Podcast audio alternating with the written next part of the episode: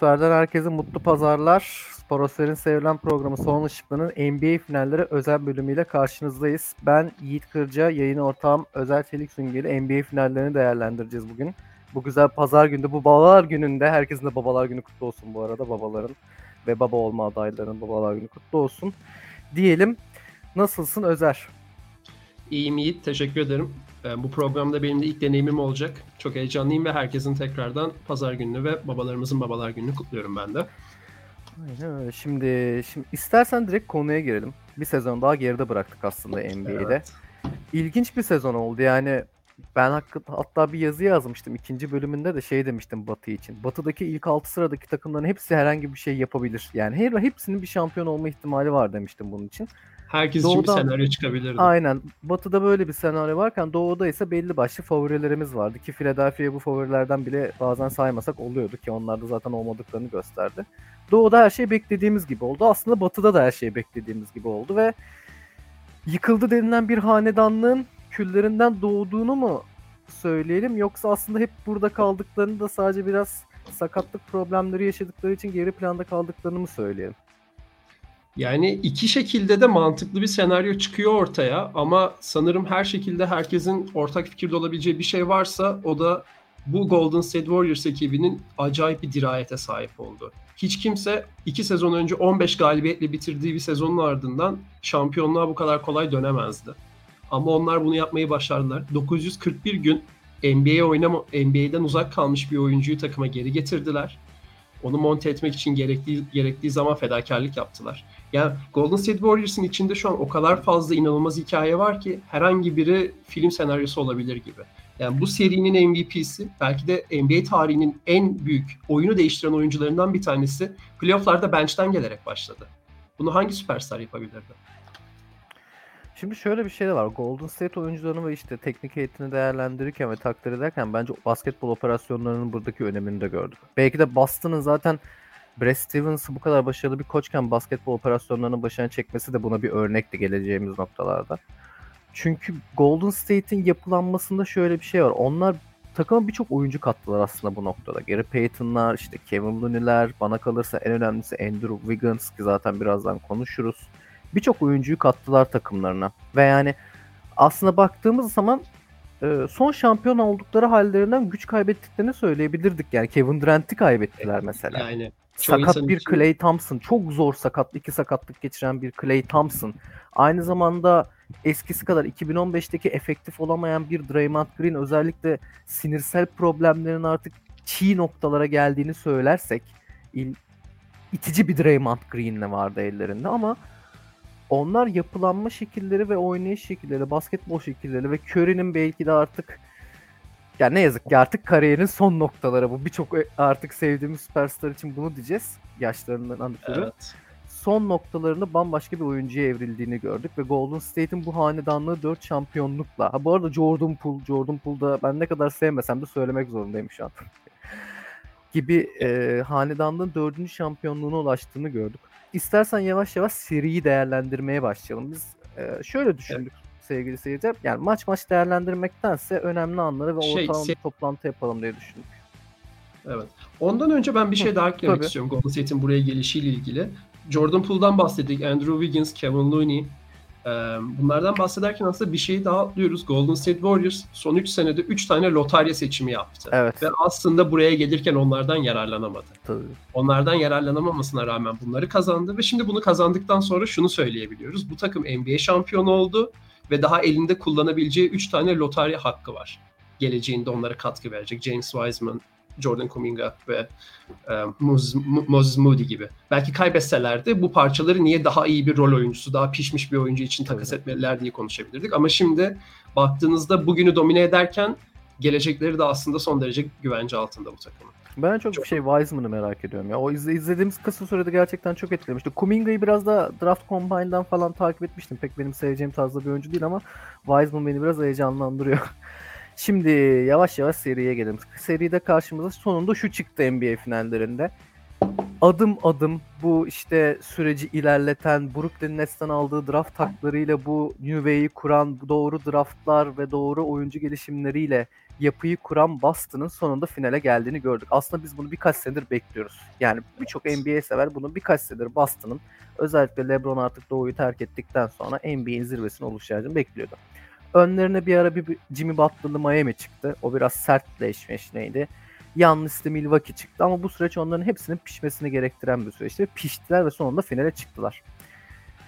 Bana sorarsan iyi de gittiler. Lakin bir yere kadar. Evet. Yani bana bence de ya total olarak bakarsak playoff'ların birinci roundundan finallere kadar aldığımızda bence Boston playoff'ların en fazla iyi performans sergileyen takımıydı. Evet. Ama burada şöyle de bir hikaye var. Boston iyi oynarken maç kaybedebiliyordu ama Golden State kötüyken de maç kazanabiliyordu. Belki bence burada da zaten çaylaklarla deneyimli olan hanedanlığın en büyük ayrıştığı nokta oldu. Sana katılıyorum kesinlikle. Şimdi şunda bir kere kesinlikle en fikiriz. Yani bütün playoff sezonu boyunca en istikrarlı ve en yani iyi demeyeceğim. istikrarlı bir performans çizelgesi çizen takım kimdi dersen Boston derim. Her zaman bir istikrarın bir seviyenin üstünde kaldılar. Bir havuzun üstünde kaldılar. Golden State'e baktığımız zamansa Golden State'in çok dağıldığını gördük biz playofflarda. Özellikle ben bunu en çok Memphis serisinde gördüm. Memphis'e Memphis'le oynamaya çalıştılar. Yani Orada mesela çok şaşırmıştım. Golden State Memphis'e Memphis gibi oynamaya çalışıyor. Yani neden Golden State'in yapacağı bir şey değil bu. Onlar her zaman kendi oyunlarını oynamaya çalışır demiştim ama dediğin de doğruydu aslında. Boston iyi oynarken çok maç kaybetti. Hatırlayalım Miami serisinde kaybettiler. Brooklyn'de kaybettiler. Milwaukee. zaten bir seri değildi. Milwaukee serisi. Boston iyi oynarken de maç kaybetti ki bu biraz da şeye de denk geliyor bence. Ya şimdi Golden State'in kötü oynarken maç kazanabilmelerine ellerinde bir körü vardı ve çok acayip bir körüydü bu. Yani bu sene izlediğimiz körü özellikle Memphis serisinden sonra izlediğimiz körü çok farklı bir körü noktasına gelmişti. Senin sen de yayından önce söylemiştin notlarında. Çok toplu oynadı. Bu kadar toplu oynadığını görmüyorduk biz körünün. Gerçekten topu alıp arkadaşlar ben götüreceğim bu işi ya dedi ve götürdü. Ama Boston'da daha şimdi bunu Tatum'la Brown'dan bekliyorsun. Brown'dan zaten top sürerken şey dua ediyorsun. Allah'ım ne olur top kaybetme yani. Ne olur fundamental'da. Bir noktadan sonra Jalen da aynı şekilde dua etmeye başladı sanki. Evet. Yani Tatum desen e, üzdü beni. Son maçı çok üzdü. Yani aslında final serisinin genelinde, genelinde Tatum beni üzdü.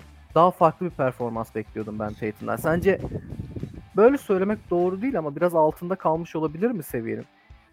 Belki ama bence şöyle bir ona şerh de düşmek lazım. Tatum NBA final e, konferans finallerinde Miami serisinde e, omzundan bir sakatlık geçirdi. Omzunda bir sinir sıkışması yaşadı. E, ben bunun da etki etmiş olabileceğini düşünenlerdenim. Çünkü çok ilginç bir istatistik var. Jason Tatum NBA finallerinde smaç basmadı. Pota altından iki, iki sayılık bitirişlerde %31 ile oynadı. Üçlük atarken %46 ile oynadı. Ve faale de normal faal çizgisine de normalde gittiğinden çok daha az gitti. Yani bunların hepsi Tatum'un bence birazcık agresifliğinin de düşmesiyle açıklanabilir. Ama bence bu gerilemesinde sakatlığının da bir faktörü olabilir. Aynı zamanda da Boston yani açık ara bütün takımlardan çok daha zor bir playoff macerası geçirdi. Evet. Önce Kevin Durant'li Brooklyn Nets'e gittiler. Oradan Milwaukee Bucks'a yani Antetokounmpo'ya gittiler 7. maça kadar. Oradan geldiler Miami'ye Jimmy Butler'la 7. maça kadar oynadılar. Yani Boston artık finallere geldiği zaman ne kadar dar bir rotasyonla da oynadığını düşünürsek bir noktadan itibaren bence geçmişteki mücadeleleri onları yakaladı. Ve hani nefesleri yetmedi bir bakıma. Şimdi şöyle Tatum'un omuz sakatlığının onların çok rahatsız ettiği noktayı bence şeyde gördük zaten. Serbest satışlarının istikrarsızlığında. Çok fazla serbest atış katıyor. Yani Tatum'u normalde kaçırmadığından fazla serbest atış katıyor Tatum ve çizgiye de gitmedi. Bu biraz hani sezonun başındaki biz seninle konuşmuştuk zaten de bunu. Sezonun başındaki korkak Tatum'dan ziyade rahatsız bir Tatum görüntüsü vardı. Evet. Yani bir şeylerden çekindiği, korkmaktan değil de rahatsız olduğu, başaramayacağını düşündüğü görüntüsü vardı Tatum'un üstünde. Sanki onu böyle omzundan tutup çeken bir şeyler var gibiydi. İkinci olarak dediğin noktada Boston'ın gerçekten playoff serüveni çok zorlu oldu. Yani Brooklyn'i tamam saymayalım. Brooklyn bunu oyun kalitesi bazında söylemeyeceğim. Boston güreşe güreşe geldi buraya. Yani sanki 40 Pınar'da güreşe güreşe Edirne'den buraya gelmiş gibilerdi yani. Miami ile güreşmek zorunda kaldılar. Milwaukee ile güreşmek zorunda kaldılar. Sürekli bir kavga, dövüş. Yani öbür tarafta tamam öbür tarafta da dünya polyanı gibi değildi ama bu kadar da güreşilmedi öbür tarafta yani. Ya bu güreşin iki tane sebebi vardı. Birincisi elbette rakipler. Yani rakibiniz yani Antetokounmpo, Jimmy Butler olunca zaten bunu gerektiriyor. Aynı zamanda zaten Boston'ın da oyun oyun biçimi ve takımın karakteri bu tür çamur basketbolunu istiyor. Yani Boston'da onları çağırıyor. Yani edelim, Golden. Evet aynen öyle yani. Şimdi Golden State'in oynadığı oyunun ne kadar elegant bir oyun olduğunu düşünürsek e, Boston'ın oynadığı oyun çok daha farklı bir oyun. Boston çok daha sert, çok daha fiziksel. O korakorluğu istiyor. Yani Golden State Warriors'ı fiziksel değil demiyorum. Bence Golden State Warriors'ın Evet. fizikselliği kendini çok daha farklı bir şekilde ifade ediyor. Çünkü baktığınızda en zorlu, en fiziksel takımlara karşı oynayıp tarih boyunca bu takım kazandı. Yani Stephen Curry switchlerde LeBron James'e kaldı, oynadı. Bu, bu seride Jason Tatum'la, Jalen Brown'la, Marcus Smart'la kaldı. Ve switchlerde ona kaldığı zaman Golden State Warriors açık vermedi aslında. Yani ama Boston'ın tabii ki de yani geçirdiği bu yolculuk bir noktadan itibaren 7. maçlara kadar uzamasını da sayarsak yani yakaladı onları. Jason Tatum, Jalen Brown, Marcus Smart birçok maç istatistiklerinde süre olsun, top kullanma olsun, top kaybı olsun. Jalen, Jason Tatum NBA rekoru kırdı. Hani e, hepsinde zirvedelerdi. Şöyle şimdi şeye kesinlikle katılıyorum bu arada. Golden State, yani bazı insanlar Golden State'in oynadığı basketbolu çok dediğin gibi elegant ve şiirsel olarak gördüğü için ne kadar fiziksel oynadıklarının farkındaydı. Bu genel NBA basketbolu içinde de aslında öyle gözüküyor. Aslında çok fiziksel bir basketbol oynuyor. Sadece bu fizikselliğin dediğin gibi türleri var. Golden State biraz daha mesela şu an gördüğümüz gibi canım benim Andrew Wiggins hep övdü. Ben seni hep destekledim bana hiç inanmadılar ya gördüm bu noktalara geldik. Şimdi mesela Golden State'in oyuncu yapılarına baktığımız zaman Andrew Wiggins, ondan sonra Gary Payton, gene mesela ne kadar oynamasa da James Wiseman onları da seçtikleri için söyleyeceğim birazdan. Draymond Green. Bunların hiçbiri böyle e, mesela pozisyonuna göre değerlendiriyorum şu an. Marcus Smart gibi mesela pozisyonuna göre iri ve güçlü oyuncular değil aslında baktığında. Ama hepsi pozisyonlarına göre çok atlet ve koşan oyuncular. Golden State'in fizikselliği hep burada karşımıza çıktı. Switchler arasında koşma, botopsuz koşularla yani onlar gücü biraz daha dayanıklılık ve koşular arasındaki çarpışmalarla gerçekleştirirken Boston biraz daha rakibe kamyon çarpmasını seven bir takımdı. Yani bu biraz daha şeye benziyor. Ba- Golden State Rönesans'ta akıl devrimiyken Boston biraz daha orta çağda cadıları yakan insanlar gibi oynuyor yani aslında baktığımızda. Ve aslında ben sevdim. Bence yani güzel bir final serisi oldu. E, Çok Kesinlikle. yakın maç şöyle aslında çok yakın maçlar oldu. Ama maçların hep hepsi neredeyse sanki son bölümlerde bir kopma anı oldu ve koptu. Belli belli Skorlar hoşla gösteriyor bize. İşte mesela birinci maçta 41'e 15 olması lazım Aynen. Boston'ın 3. periyodun sonuna doğru ve 4. periyodla beraber yakaladığı bir seri var. İkinci maçta Golden State'in benzeri bir serisi vardı. Ama yani şimdi serinin kendi içinde harika maçları da oldu. Evet. Dördüncü maçtaki Stephen Curry performansı oldu. yani inanılmaz bir maçtı. Aynı zamanda senin söylediğin oyuncu seçimleri üzerinden ben biraz daha açmak istiyorum Yiğit. Yani Golden State Warriors'ın en en iyi olduğu beşler bu seride hangisi oldu? Curry, Clay veya Jordan Poole. Yanlarında Gary Payton, Draymond Green ve Kevin Looney oynadı. Aynen. E, pa- özür dilerim. Andrew Wiggins ve Draymond Green oynadı veya Kevin Looney oynadı. Bu beşlerde ne oldu? Gary Payton, Andrew Wiggins burada oldukları zaman Golden State'in belki de ana oyuncularında en eksik olan şey uzunluk ve atletizmi getirmiş oldular. Evet, ve bu Boston Celtics'in canını çok sıktı. Jalen Brown'un, Jason Tatum'u çok zorlaştı. Hayatı onlar için çok zor hale getirdiler bunu yaparak. Ve hani onlar da bence bunun bir açık olduğunun farkındalar. Çünkü Kuminga seçimi, James Wiseman seçimi takımın da bu yöne bir yatırım yapması ihtiyacı olduğunu gösteriyor. Ya biz yıllardır Boston için ne konuşuyoruz aslında Boston bu noktaya gelirken bu işte Jalen Brown e, draftları, Jason Tatum ta- draftları yaparken Boston'ın prototip bir takım olduğu hep söylenildi aslında modern Evet. basketbol için. Neden? Çünkü topla oynayabilen kanatları var. Jalen Brown ve Jason Tatum. Bunlar oyunun hem iki yönünde de oynayabiliyor hem de topla çok rahat oynayabiliyorlar ikisi de. Tamam Jalen Brown evet fundamental'ı biraz tadını kaçırdığında top elinde patlayabiliyor ama oynayabiliyor sonuç olarak. Dribbling üzerinden sayı üretebiliyor.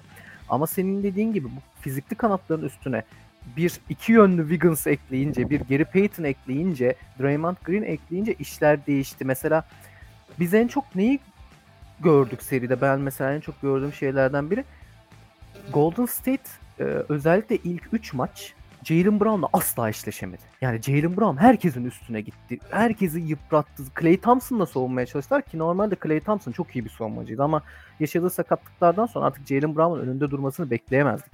Sonra bir değişiklik yaptılar ve Draymond Green'in üstünü vermeye başladılar. De- zaman zaman Andrew Wiggins'ı üstüne vermeye başladılar. Gary Payton. Gary Payton'ın üstüne sakatlıktan çıktık döndükten sonra Gary Payton'ın üstüne vermeye başladılar. Bu da Boston'ın o Golden State'e karşı istediği içeri girme özelliğini mahvetti. Çünkü bunun en temel fark neydi Golden State ve Milwaukee arasında? Milwaukee'de dış şutlardan hücum ederken içeri giremediğin için Golden State'e içeri girmek istiyordun. O kadar dış şut kullanmak istemiyordun. Ama Boston'ın kazandığı maçlarda gene dış şutlarla kazandığını gördük biz. Yani o içeriye dalma efektini Warriors izin vermedi Boston'a karşı. O kadar kolay olmadığını gösterdi yani bunu bu noktada. Ya insanların genelde dış şut dediğimizde NBA'de üçlük devrimiyle beraber atladıkları bir şey var. O da takımların içeriye girmeyi tercih etmeyip tamamıyla üçlük sağladıkları yönünde. Aslında bu Evet. böyle işlemiyor. Yani Golden State Warriors'a herkes işte üçlük atarak kazanan bir takım diyorlardı ama Golden State kazandığı dönemlerde ligin en fazla üçlük kullanan takımı değil de bu genelde Houston Rockets'tı. Evet. Her zaman Boston'ın da genelde zaten oyun filo, yani ana oyun stratejisi drive and kick'e dayanıyordu. Boyalı alanı giriyorlardı, birilerinin üzerlerine çekiyorlardı ve sonra şütörleri bulmaya çalışıyorlardı. Milwaukee'de bu durum nasıl oldu? Milwaukee Brook Lopez'i oraya diktiğinde, Antetokounmpo'yu oraya Lopez ve Antetokounmpo'yu aynı anda oynattıklarında Boston duvara çarpmış gibi oluyordu. Lopez onların hepsini sinek gibi açıkçası bir yerlere gönderiyordu ve Milwaukee'nin zaten oyun stratejisi genelde kötü şütörleri veya istatistiksel olarak kötü gözüken şütörleri bırakıp boyalı alanı güvence altına almak. Boston da burada bir düzenleme yaptı ve her zaman yani boyalı alana giren oyuncular bitirmeye değil o iki adım içerideki dribble pull up mid range'lere veya o drive and kick'lere gitmeye başladılar ve o seride işte Grant Williams çıktı ve değiştirdi her şeyi Boston için. Golden State serisinde de aslında benzeri bir şey gördük. Yani bu seride de her zaman mesela takımların kazandıkları maçlara bakıyorsunuz. Aslında takımlar evet iyi üçlük atıyorlar. Ama genelde kazandıkları zaman boyalı alanı kazanan takım her zaman maçı kazandı. Boston'ın kazandığı Aynen bütün maçlarda Robert Williams'a, Horford'la kendi boyalı alanlarını iyi kapadılar. Rakip boyalı alanına da iyi girdiler. Golden State Warriors için de tam tersi şekilde durum. Yani playoff boyunca zaten temel hücum sisteminin şu olduğunu şuradan anlayabiliriz. Al Horford sürekli köşelerdeydi. Bütün playoff boyunca. Bütün normal sezon boyunca da. Yani bu tamamen şeyi gösteriyor. İçeri girip drive and kick oynamak istediklerini. Yani içeriden dışarıya oynamak istediklerini gösteriyordu bize aslında. Belki de bu noktada zaten Golden State'in bu kadar ters gelmesinin nedeni de oydu. Golden State çok hızlı ayaklara sahip bir takım. Yani çok hızlı oynuyorlar. Hem ucunda bu takım zaten sezonun belli bir noktasına kadar savunmada birinciydi normal sezonda. Bu da sürekli o Bir tempolu sakatlanana koş kadar. Evet. O sürekli tempo koşmalarından dolayı sürekli switchleri, sürekli ad- topsuz alanları takip etmeler. Zaten onlar hücumda buna alışkın. Sürekli topsuz oynadıkları için. Aynısını savunmada yansıttıklarında zaten birinci olduklarını görmüştük. Genel o anlamda benim sana söylemek istediğim şu. Çok farklı oyunların çarpıştığı çok keyifli bir final serisi izledik aslında. Yani ikisi çok ayrı uçlarda oyunlarda ama çok keyifli oldu. Şimdi Kesinlikle benim ee, söylemek istediğim bir şey var. Şimdi biz evet ilk iki maç bitti. Bir birle geçtik. İşte bir Warriors kazandı, bir e, Boston kazandı. Üçüncü maçta şöyle bir şey gördük. Boston kısa beşli çıktı sahaya. Grant Williams'ın dört oynadığı, Al Horford ve Robert Williams'la tamamladıkları bir e, kısa beşli çıktı. Yani Warriors'ı Warriors'ta vurmaya çalıştılar aslında. Bu aldılar Warriors'ın silahı. Abi biz bununla deneyeceğiz diye sıktılar. Sıktılar ve tuttu bana göre. Yani e, ben başarılı olduğunu gördüm bu kısa beşin. Ama ısrarcı olmadılar. Yani bunun sebebi ben hiç mantık üretemedim bu kısa beşte ısrarcı olmamaları. Yani Grant Williams evet seri boyunca yoktu. Ama zaten yani Boston ana planı şey değil miydi her zaman? Abi siz şutu kaçırın ama gene de atın ya. O şutu at, ka- kaçır ama at yaniydi. Bu- Neden devam etmediler ki? Burada bence birazcık artık işte o iki koç arasındaki bir farkı da görmeye başladık. Boston'da oyuncular kaçırdıkça özgüven kaybetti. Ama Golden State Warriors'ta oyuncular kaçırdıkları zaman özgüven kaybetmediler. Ve bence bunu onlara sağlayan kişi koçlardı. Mesela Peyton Pritchard örneğini verebiliriz. Ime Udoka onu belli dönemlerde kullandı. Bence 6. maçta çok da hatalı şekilde kullandı. Rotasyonu Evet. kötü yaptı Celtics. Çok, Ama çok yani. Celtics'in de şöyle bir şey oldu. Yani playofflarda biz bu yola 8 kişi çıktık. 7'ye düştük. 6 oldu. Artık NBA yani finale geldiğimizde 5'ti. Boston'ın bencinden getirip takıma artı yaratan oyuncusu kalmamıştı bir noktadan sonra. Ve onları bu duruma düşüren şey bence bir bakıma birazcık da kendi halleri oldu. Yani oyuncular özgüven kaybetti. Ve bu özgüven, ya onların o özgüveni korumak da bana kalırsa koçun göreviydi. Golden State'te bunu Steve, Steve Kerr harika yaptı. Ime Udoka bence bunu o kadar iyi şekilde başaramadı. Yani kısa beşe güzel değindin. Kısa beşte Grant Williams'a da şans verdiler. Asıl onu serinin başlarında da fark yaratan Derek White'la çok denediler. Derek White Evet. ilk maçta harika oynamıştı. Ama ilk- gibiydi. Evet yani o, o da işte Fred VanVleet dopinginden almıştı. Yeni baba Aynen. olmanın ya babalar günüyle beraber bugün bu da güzel denk geldi ama hani yeni baba olmanın gücüyle üçlük atmayı yeniden keşfetmişti. Ama onun aynısını birinci maçtan sonra göremedik Derek Evet. White'tan ve zamanla kayboldular. Yani Grant Williams zaten Milwaukee State, ya Miami serisinde de çok yoktu. Golden State'de artık iyice figürandı. Derek White yani birinci maçtan sonra gitgide yok olmaya başladı ve biz hani Boston'da onu gördük. Yani beşinci maçta Jason Tatum ve Jalen Brown 46 dakika oynadılar ve dinlendik. Sadece ilk yarıda, ilk, ilk periyodun sonunda, ikinci periyod sırasında dinlendiler. Üçüncü periyodun ardından normalde rotasyonda Udoka onları dinlendirmeye çalışıyordu. Ama bence o kadar güvenmedi ki onları oyunda tuttu. Ve onlar da iyi oynamadı. Jason Tatum 5. maçta 4 tane airball atmıştı. Yanlışım yoksa 3'ü de son Evet. periyotta geldi. Hani biz bunları gördük yani bast yani koçun o seç- seçimleri takımı da etkiledi. Yani baş oynayan oyuncuları da etkiledi. Oynamayan bench'te oturanların da bence özgüvenini etkiledi. Şimdi şu Peyton Pritchard'dan bahsettim. Peyton Pritchard son 5 ve 6 yani 5 serinin 5. ve 6. maçında toplam ne kadar oynamış biliyor musun? Toplam süresi 13 dakika. Bu 13 dakikanın e, nasıl geçtiğini ben sana söyleyeyim mi? Hani dedin ya yanlış bir zamanda oynattın diye çok güzel bir şey değindin. Peyton Pritchard oyuna girdiğinde Warriors'ta Andrew Wiggins oyundaydı. Genel olarak. Ve şöyle bir şey karşımıza çıktı. Curry'nin de dinlenebilmesi için top aynı aslında Boston'ın Golden State'e yaptığını yaptı. Boston ne yaptı sürekli? J switchlerle Jalen Brown'un karşısında, Jason Tatum'un karşısında Stephen Curry'yi almaya çalıştı ki bu arada Stephen Curry iyi bir savunmacıdır. Yani en Evet. azından çabalar. Benim onunla ilgili söyleyebileceğim aslında şey de var, bir veri de var. Evet. E, yani Second Spectrum'dan almıştım ben bunu. Celtics 0.79 sayı üretti. Stephen Curry'i switch'te Hı aldıkları zaman e, Marcus Smart, Jalen Brown, Jason Tatum, Al Horford bunlara dahil. Mesela son maçta şey yaptılar. E, Daha fazla post-up oynamaya çalıştılar. E, Seri boyunca hiç oynamadıkları kadar post-up oynamaya Evet. çalıştılar. Çünkü Curry'i yormak istediler. Ama biz biliyoruz ki Stephen Curry zaten yıllardır buna LeBron'la karşı karşıya geldiği final serilerinden alışkın. Ve orada yenilmedi. Yani Curry de buna çok alışkındı. Golden State de zaten Curry'i bu tür durumlarda nasıl muhafaza edeceğine çok alışmış durumda. Beni çok şaşırtan şeylerden birisi Boston bana kalırsa Jordan Poole'un üzerine yeterince hücum etmedi. Evet. Etmesi gerektiği kadar hücum etmedi. Asıl gitmesi gerek, asıl üstüne gitmeleri gereken kişi Jordan Poole'du. Stephen Curry değil. Stephen Curry yani e, göz ardı edilen bir şey. Stephen Curry çok çabalar savunmada ve iyi bir savunmacıdır. Yani mükemmel derecede bir savunmacı olmasına gerek yok ama savunma yapmaya çabalar ve gedik oluşturmaz. Jordan Poole arasındaki Kesinlikle. fark oydu. Jordan Poole savunmada bir gedik oluşturur. Aynı Evet. Peyton Pritchard'ın Boston için yaptığı için. Boston'da bir tane ya bir tane oynayan oyunculardan bir tane kötü savunmacı var. Peyton Pritchard. Bu fiziksel anlamda da savunma tekniği anlamında da kötü.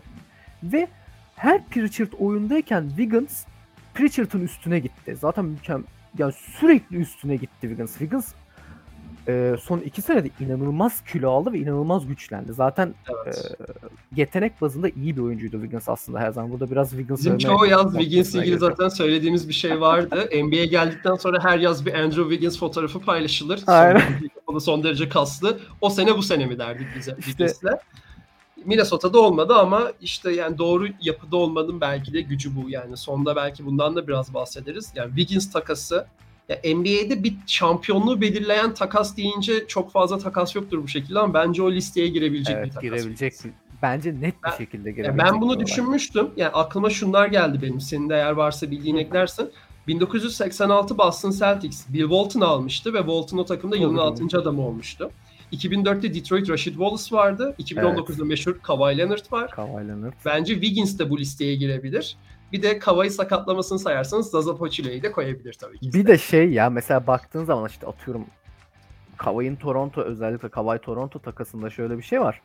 Üstüne böyle büyük şeyler verdiğin takaslar bunlar. Yani Evet. takımın franchise oyuncusunu falan veriyorsun yani. Rashid Wallace takasında da bildiğim kadarıyla hatırladığım kadarıyla birkaç tane önemli draft hakkını vermişti Detroit Pistons. Ama mesela bunda hiçbir şey vermedin abi anlıyor musun? Bunda, yani bunda, bunda, şey- bunda aldılar yani. Kuminga'yı da aldılar. Hani Hiçbir şimdi. şey vermedin yani. Her Evet. şekilde kazan kazan oldu. Ya şaka bir yana sürekli üstüne gitti ve dediğin gibi aslında mesela o noktada belli oyuncuların moralinin çok bozulduğunu gördük Boston'da. Yani Peyton Evet. Pritchard'ın oynadığı o 5 dakika içerisinde eline top gelse bile kafası şeyde abi top değişecek, geçecek ve Wiggins üstüme koşacak gene. Yani gene koşacak, gene sayı yiyeceğiz modundaydı. Bence e, gene burada Boston ilk defa bu playofflarda bir rotasyon hatası yaptı. Yani doğru kullanamadılar. Zaten kısıtlı bir rotasyonları vardı ve e, biraz ezildiler. Bence Brad Stevens'ı aradılar. Yani ah be Brad hocam basketbol operasyonlarından Evet, çıkıp o- gelsen dediler bence bir O yani. meşhur böyle mo- molalardan güzel getirirdi. Evet. Hocanın, hocanın, hocanın iyi setleri vardı. Moladan güzel Onu- getirirdi takımı. Onu aradılar gerçekten. Sonra zaten üçüncü maçtan sonra bana kalırsa zaten e, şey olarak da öyle bana kalmasına gerek yok da seri tepe taklak gitmeye başladı Boston adına. Yani bütün ivmeyi kaybettiler üçüncü maçtan sonra. Dördüncü maçta Golden State sahaya çıktı ve dördüncü maçta o Golden State'i yenememeleri Boston'ın ellerini kollarını bağladı. Çünkü e, kafa olarak sahada olmayan bir Golden State vardı. Sadece Curry'nin eline bakan bir Golden State vardı o maçta. O maçta Warriors'ı yenemediklerinde. O maçta Warriors'ı o maçta Curry'yi yenemediler. o maçta evet. Curry'yi yenemediler. Ve o noktadan sonra her şey tepe taklak gitmeye başladı bana kalırsa. Kesinlikle ama yani dördüncü maçtaki Stephen Curry performansı Tabii ya canım. öyle bir performansı ki ya bana bence tekil olarak Curry'nin en iyi maçıydı kariyerindeki. Yani Evet. bence en iyi Stephen Curry performansıydı. Ya İlk 3 Onun- Stephen Curry performansına girer. Bir tane de şey Evet. vardı hatırlıyor musun? Oklahoma City Thunder maçı Tabii, vardı. o son buzzer'ı orta Evet. sahadan attı. Tabii canım. Yani o o muhtemelen hani o günden sonra Kevin Durant şey yapmıştı hani. Aynen. O gün karar verdi Aynen, bence. Aynen öyle. San Francisco tarafında bir ev fiyatlarına bakmaya başlamıştır bence muhtemelen ondan sonra.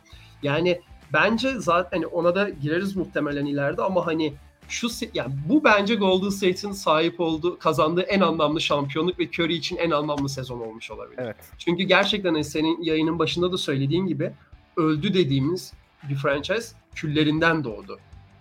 Hani inanılmazdı yani. Stephen Curry için de hani şimdi Curry için en genel getirilen basit eleştiri neydi? NBA finalleri MVP'si olmaması. Finallerde genelde e, düşük performansları vardı. Ama şimdi bakıyorsunuz 3 tane maç var. Yani 3 maçta tarihi performanslar.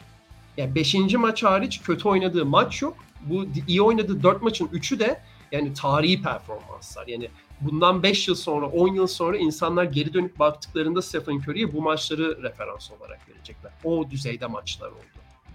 Ya O şey çok- masasına şey masasına net bir şekilde oturdu hani yani LeBron'un, Magic'in, Jordan'ın final serisini alıp götürdüğü maçlar olur ya mesela işte 2016 LeBron şeyden sonra 3-1'den sonraki ve üst öncesi işte Evet, 2019 o 2018 LeBron ilk maçı J.R. Smith'in mükemmel trollemesiyle kaybettikleri.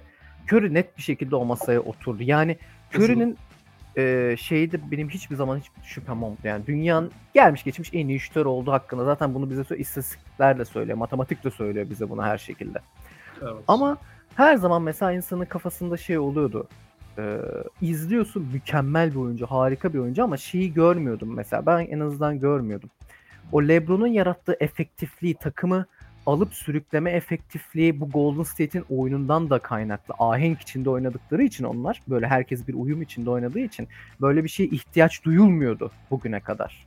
Ama Curry 34 yaşında buna ihtiyaç duyulursa yapabilirimi gösterdi. Yani şeyde benim kafamda şey şüphesi kalmadı yani. Golden State önceden böyle bu şekilde ahenk içinde oynamasa da buralara gelebileceğinin gösterdi Curry tek başına. Taşı- taşıyabileceğini gösterdi yani.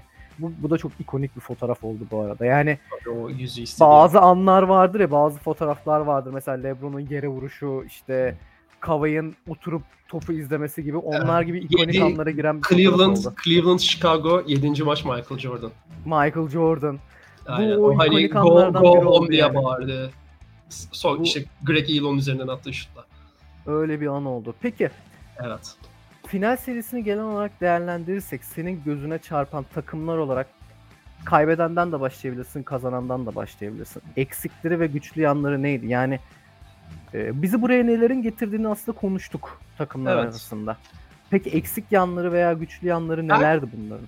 Kaybedenden minik bir benim istiyorum. Çünkü kazananı daha fazla ö- övmek istiyorum. Hani kaybedenden küçük bir giriş yaparsak. Ya bence insanların yani şunu hatırlaması gerekiyor Boston Celtics taraftarlarının veya Boston Celtics severlerin. Bu takım hala planlanan programının önünde gidiyor ve Çok hani öyle yani. öyle bir sezon geçirdiler ki Ocak ayında herhangi bir Celtics'liye takım NBA finallerinde olur mu desen takım playoff'larda olmaz derdi size. Yalan. Hazirana geldiğimizde ise takımın çevresi öyle bir değişmişti ki takım finalleri düşünmeye başlamıştı. Ya bir takımın sezon içinde bu kadar değişmesi, ya bence sezon içinde bu kadar normal sezonda böyle değişen başka bir takım yok. Boston Celtics kadar sezonun bir yarısında ölü olup diğer yarısında hani biz NBA'nin en iyi takımıyız imajı yaratan başka bir takım yok. Ama onun dışında şimdi bakıyorsunuz Jason Tatum daha 24 yaşında. Hani hep 19 yaşında Tam ona diyoruz ama. Tatum, Tatum 24 yaşında. Hani Jalen Brown baktığınızda 20 yani 25 yaşında. NBA finallerinde yani böyle bir şey var gerçekten. Oyuncular genç yaşlarında NBA şampiyonları oluyorlar. En sevdiğimiz oyunculara bakalım. Stephen Curry ilk kazandığında 27 yaşındaydı. LeBron 27 yaşındaydı. Jordan 28 yaşındaydı. Shaq 28 yaşındaydı. Dirk Nowitzki lige 18 yaşında geldi. İlk şampiyonluğunu aldığında 31, 31 yaşındaydı. Yaşlandık onu beklerken yani. Ki Nowitzki 13 sezon oynadı şampiyon olmak için. Hani Kevin Durant 28 yaşındaydı. Hakim 31 yaşındaydı. Hani ondan sonra bu inanılmaz bir değil. Yani o yüzden bu oyuncuların yaşlarını hala göz önünde bulundurmak lazım. Ve hani Boston nüvesinin bize öğrettiği bir şey varsa bu takım kaybede kaybede kazanmayı öğreniyor. Brad Stevens döneminde konferans finalleri kesinlikle sürprizdi. Evet. Ama orada kaybederek kazandıkları deneyim belki de Udoka döneminde bu sefer Miami'yi yenmelerini sağladı. Yani çünkü şimdi bakıyorsunuz evet Boston bence NBA finallerinde bizi biraz hayal kırıklığına uğrattı. Tatum başta olmak üzere. Ama bu takımın kazandığı çok enteresan ikonik maçlar da var. Mesela Milwaukee 6. maçı Tatum'un 46 sayılık performansı. Yani siz son şampiyonun e- evine geride gidip kazanabiliyorsanız bu aslında sizin bir takım olarak nasıl ilerlediğinizi de gösteriyor. Aynı şekilde Miami serisi 6. maçta Jimmy Butler TD Garden'a geldi ve yani bütün Boston'lıların kabusuna girdi. Oradan seri 7. maça Miami'ye gittiğinde Boston'ın artık zırhındaki bütün açıklar bariz bir şekilde ortaya çıktığında Boston 7. maçı kaybedebilirdi. Genç takımlar böyle şeyler yapabilirlerdi ama bu takım kaybettiklerinden ders çıkaran bir takımdı ve bunu yaptılar. Ya bu finallerden de kesinlikle ders çıkarabilirler. Bu takımın hala ana oyuncuları çok gençler ve birlikte öğrenmeye açıklar. Hani kesinlikle şunu gördük hani NBA finallerine çıkmak kolay değil ve bir sonraki sene çıkacağınızın da garantisi yok. Yani hiçbir zaman size geleceğin garantisini veremezsiniz. Mesela Phoenix Suns geçen sezon yani bu sezona nasıl girdiler? Herkes banko bakıyordu Suns'a. Ne Ben oldu? dedim Miracle Run diye bu gerçekçi dedim. Evet. Hani o yüzden kesinlikle hani galibiyetin garantisi yok. Yani buralara geleceğinizin de garantisi yok. Ama yani Boston taraftarları bence iyi hissedebilirler. Takımdaki oyuncuları, oyuncuların bulundukları kontratları düşünerekten. Yani Boston adına ben bunları söyleyebilirim eğer senin ekleyebileceğin bir şey yoksa. Ya Boston'a da ben de birkaç bir şey eklemek istiyorum aslında bu noktada. Çünkü eee, şöyle şimdi dediğin gibi temel olarak zaten çok genç bir takım. Biz bunu her seferinde söylüyoruz. Yani onların sürekli bir gelişme süreci var. Zaten yayına da öyle girdik. Aslında bir beklediğimiz bir şeydi. Sürekli beklediğimiz bir şeydi ve onlar hala programın çok önündeler. Yani Kesinlikle. kimse beklemiyordu bu yaşta buralara gelmesini. Bu aslında bir noktada şeyi gösterdi bana. Ee, ilk Oklahoma Thunder takımı. Kevin Durant, Russell Westbrook, James Harden ve sonra dağılışını Evet. evet. gösterdi bana aslında. Öyle bir tablo vardı. Ben ha ama şöyle bir şey vardı. Bu takımın kazanma ihtimali daha yüksekti o takımdan. Kevin Doğru. Durant, Russell Westbrook, James Harden takımından daha yüksekti. Biraz da rakiplerinin e, durumuyla alakalı olarak. Rakiplerin durumu, Boston'ın formu.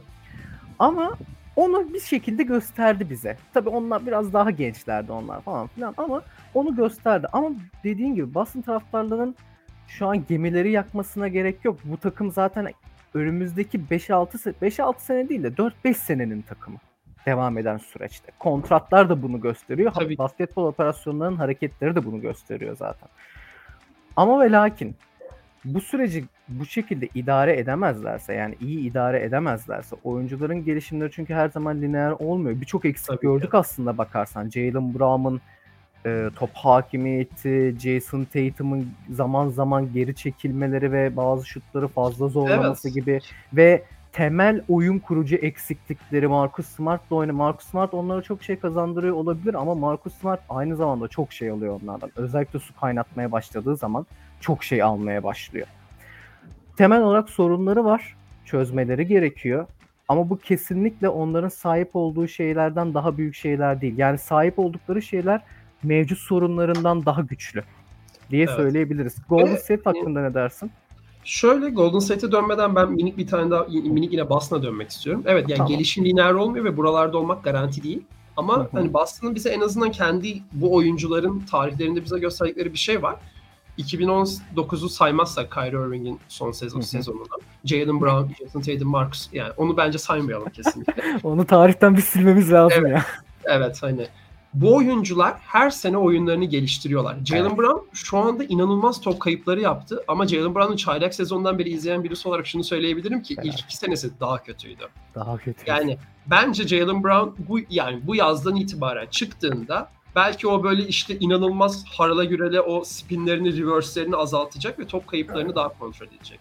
Tatum belki biraz daha pota altında fiziğiyle bitirmeyi öğrenecek. Daha daha hakemler az itiraz edecek belki. Bence Tatum'un Evet, en göze batan çirkin özelliği o. Çok öz ve hakem. 3 yani her seride en az bir maç içerisinde 2 ila 3 sayı yedi Boston'u Tatum'un itiraz etmelerinden dolayı. Çünkü öyle. geriye koşmadı yani hiçbir zaman. Evet. Mesela Smart özelinde de gelirsek, evet yani bu takımın point guard'ı Smartken sezon başında bu takım yerlerdeydi. Ama bu takım zirveye çıkarken de bu takımın point guard'ı yine Marcus Smart. Bu takım Marcus Smart'la beraber yaşamayı öğrendi ve Marcus Smart da bu takımın içinde Tatum'un Brown'un arasında yer almayı öğrendi. Belki hatırlarsın sezonun başında Boston Celtics sürekli büyük farklar açıp maçlar verdiğinde Chicago sonrası Chicago'ya 19 sayıdan maç vermişlerdi. Ee, Marcus Smart bir basın toplantısında çıktı ve dedi ki Tatum ve Brown pas vermiyor. Onların oynamayı, pas vermeyi öğrenmeleri lazım demişti. Orada bir ağladı. Evet. ağladı bana Yani pas vermiyor. Normalde normalde birçok takım bu noktadan itibaren dağılırdı. Tamam. Ama Boston, Boston aslında o noktadan sonra da dağılmaya devam etti. Ama bir noktada toparladılar ve toparlarken oyuncu değiştirmediler aslında. Yani dağıtanlar da bu adamlardı, toplayanlar da bu adamlar. Onlar da onlar da. O yüzden ben Boston'ın üstüne koyabileceğine inanıyorum. Ama onunla beraber işin teknik kısmına da bakarsak Boston bütün ilk draft haklarına sahip. Ee, Derek White için bu sene verdikleri haricinde. Ondan sonra aynı şekilde Boston'ın elinde takas, şey, traded player exception'ı da var. Yani Boston şu anda markete girip bir süperstar alamaz muhtemelen. Ama önemli oyuncular, önemli rol oyuncuları eklemeleri yapabilir. Ve hani şunu da biliyoruz ki NBA finallerine çıkan takımlar genelde bu tür yan parçaları marketten biraz daha kolay alabiliyorlar. Eğer iyi, iyi scouting yaparlarsa. Otto Porter'ı nasıl Golden State aldıysa Boston'da kendi Porter'ını bulabilir. Yani ben hani şunu bir açık olarak görebilirim Boston'da. İki tane bence göze batan açıkları var. Birisi sezon boyunca olan bir şeydi. Takımın net güvenilir bir şütörü yok. Yani Boston'da Boston oyuncuları çok ritmik insanlar. Yani Jalen Brown günündeyse atar, Tatum günündeyse atar, Smart günündeyse atar. Ama biz şunu da biliyoruz, Smart aynı gün 13'te 1 de atabilir. Yani Boston'ın belki onu bulabilmesi lazım. Bir de 5 dakika içinde bile değişebilir Smart ya. Evet, aynen öyle. Yani ya mesela bu seride bu maç son maçta da öyle oldu. 6. maçı Boston 12-2 başladı. Sonra 31'e 5 mi ne seri yediler. Yani adamlar yani istikrarlı şekilde istikrarsız bir takım Boston. Hani bence onları çok iyi özetleyen şeylerden birisi bu. Ama eğer bir parça almak isterlerse ellerinde takas yapabilecekleri malzemeler ve e, belli finansal esneklikler bulunuyor. E, ben hani daha böyle dediğimiz gibi hani belli noktalarda takımı sakinleştirebilecek oyun akıllarının bu takıma çok iyi geleceğini düşünüyorum. Veteran bir ekleme. Yani kesinlikle kafamın üzerinden atıyorum şu an. Çok bunun üzerine düşünmedim ama mesela bir Ricky Rubio veya bir Malcolm Brogdon. Hani Hemen hemen söylüyorum sana. Formülü söylüyorum. Mental koç Andre Iguodala. Tabii. Ya Şampiyonluk geldi şu an.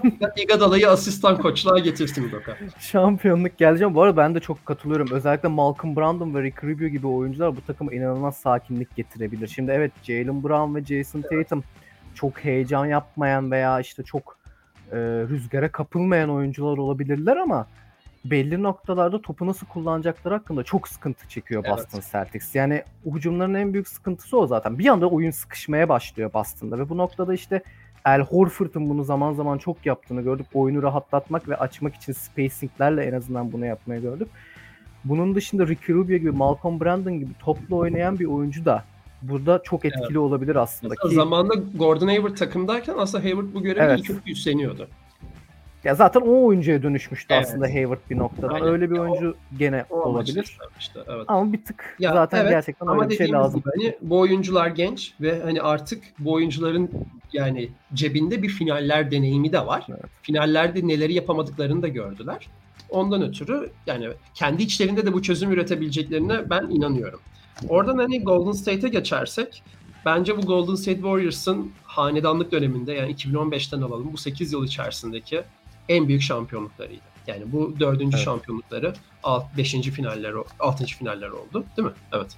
Hani e, bence bu elde edilen en büyük, en anlamlı şampiyonluktu. Yani Klay Thompson'ın 941 gün NBA'den uzak kalması, Kevin Durant'i kaybetmeleri, 15 galibiyetle bir sezon tamamlamaları, 2 sene üst üste playoff'ları kaçırmaları.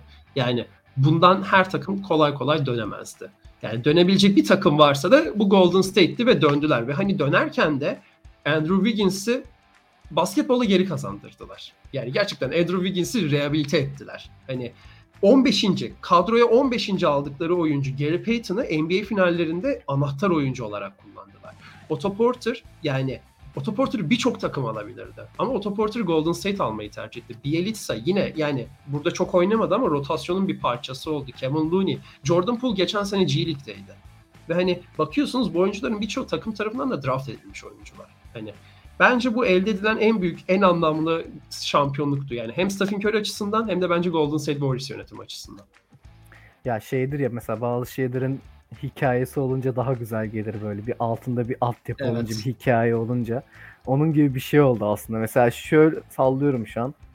2018'de Cleveland şampiyon olsaydı 2016 şampiyonluğu kadar özel bir şey olmayacaktı aslında. Tabii. Çünkü 2016'nın altında bambaşka bir hikaye var. Bu noktada da aslında dediğin gibi aynı şekilde Golden State Warriors'ın inanılmaz bir hikayesi var. Yani onları böyle sürekli sanki arkalarından kamçılayan bu hanedanlık bitti, şey bitti gibi özellikle eee Dylan Brooks dedi değil mi onu ya? O Dylan Evet. Brooks şey Sizden, ağzı sizden sonra sıra bizde dedi. aynen ağzı tutmayan oyunculardan biri işte kesin Dylan Brooks'tur zaten. Şey Yani bu, demez bu ama. Michiganlılarda bir şey var ya. Aynen.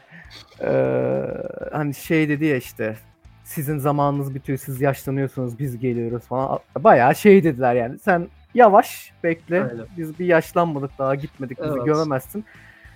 Ee, bunun üstüne gerçekten şamp bayağı dümdüz şampiyon oldular Evet yani. bence yaşla ilgili şöyle ilginç bir şey var. Yani şimdi evet Stephen Curry 34 yaşında.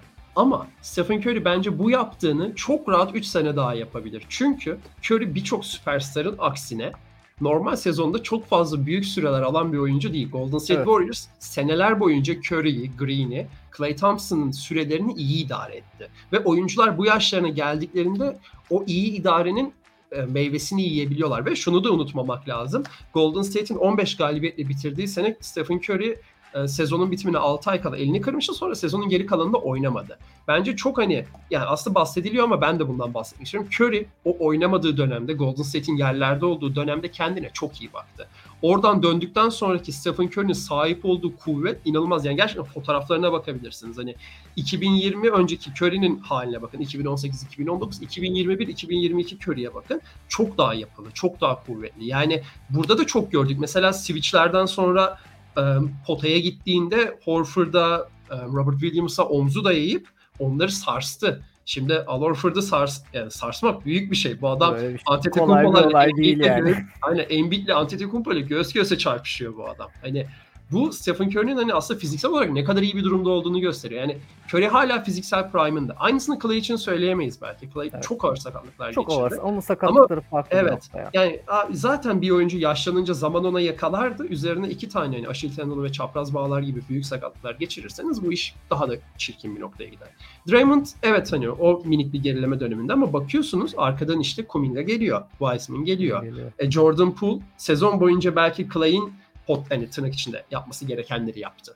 Clay sakat olduğu için. Yani bu takımın Evet, yani bu takımın hala deposunda zamanında. kesinlikle yani bu takımın hala deposunda ana oyuncularının da benzini var. Alttan da zaten taze bacaklar, taze kan geliyor. Yani o yüzden bilmiyorum. Yani ileriye giderken çok fazla şey söylenebilir Golden State adına. Yeter artık ben istemiyorum Golden State. Yeter. Ben ben hayranım. Yani bu kadar iyi bir planlama, bu kadar iyi bir organizasyon. Yani şöyle di- diyelim hani mesela Minnesota takasını düşünelim. Wiggins'i daha yani Wiggins başka yere gitse böyle olabilir miydi acaba? Asla. Bu organizasyonun gücünü gösteriyor Ya gerçekten. bu şimdi ben evet söylüyorum ama bu işin şakası bir yana inanılmaz bir organizasyon. İnanılmaz bir basketbol operasyonu yönetimi. Yani e, birçok takımın zaten biz aslında baktığımız zaman çok kısa dönemler vardır. Bu Jordan'lı Chicago vardır. Kobe'li Shaq'lı Lakers vardır. Spurs. Çok geriye gidersek oralara kadar geriye gitmenin anlamı da yok. Lakers o modern basketbol öncesi dönemlere gitmenin anlamı yok. Bir ara dediğin gibi bir Spurs dönemi vardır. Gene kısa bir Miami dönemi. Bunun dışında aslında çok fazla sürdürülebilir başarı görmeyiz biz NBA'de. Özellikle araya süre geçmiş başarılar. Şimdi Evet. bu saydığımız başarıların hepsi dümdüz beraber arka arkaya sıralanmış yıllar aslında. Aralarında çok bir zaman yok. Miami final kaybetse de gene aynı şekilde finallerde devam etti. E, tabii. Golden State'in ise özellikle bu son şampiyonluktan önce dediğin gibi arada büyük bir süre var ve büyük olaylar gerçekleşti. Tekrardan bu noktaya gelebilmek ve aynı oyuncularla gelebilmek. Şimdi insanlar şey edebilir. O işte farklı oyuncular yaptılar, rotasyonlar değişti, yapıyı değiştirdiler, operasyonları farklılaştırdılar, tekrar buraya geldilerden ziyade aynı oyuncu yapılarına, aynı temelin üstüne bir şeyler ekleyip yeni oyuncuları bulup ve bunun bazılarını ne kadar kullanamasalar da draft haklarından bulup bir yerlerden bir şeyler çıkarıp bu nüveyi tekrar şampiyon yapabilmek bu kadar olay üzerine aslında gerçekten bir operasyon gücünün dayanıklılığını ve başarısını gösteriyor bize. Ya gerçekten dokmaya meydan okudular. Evet.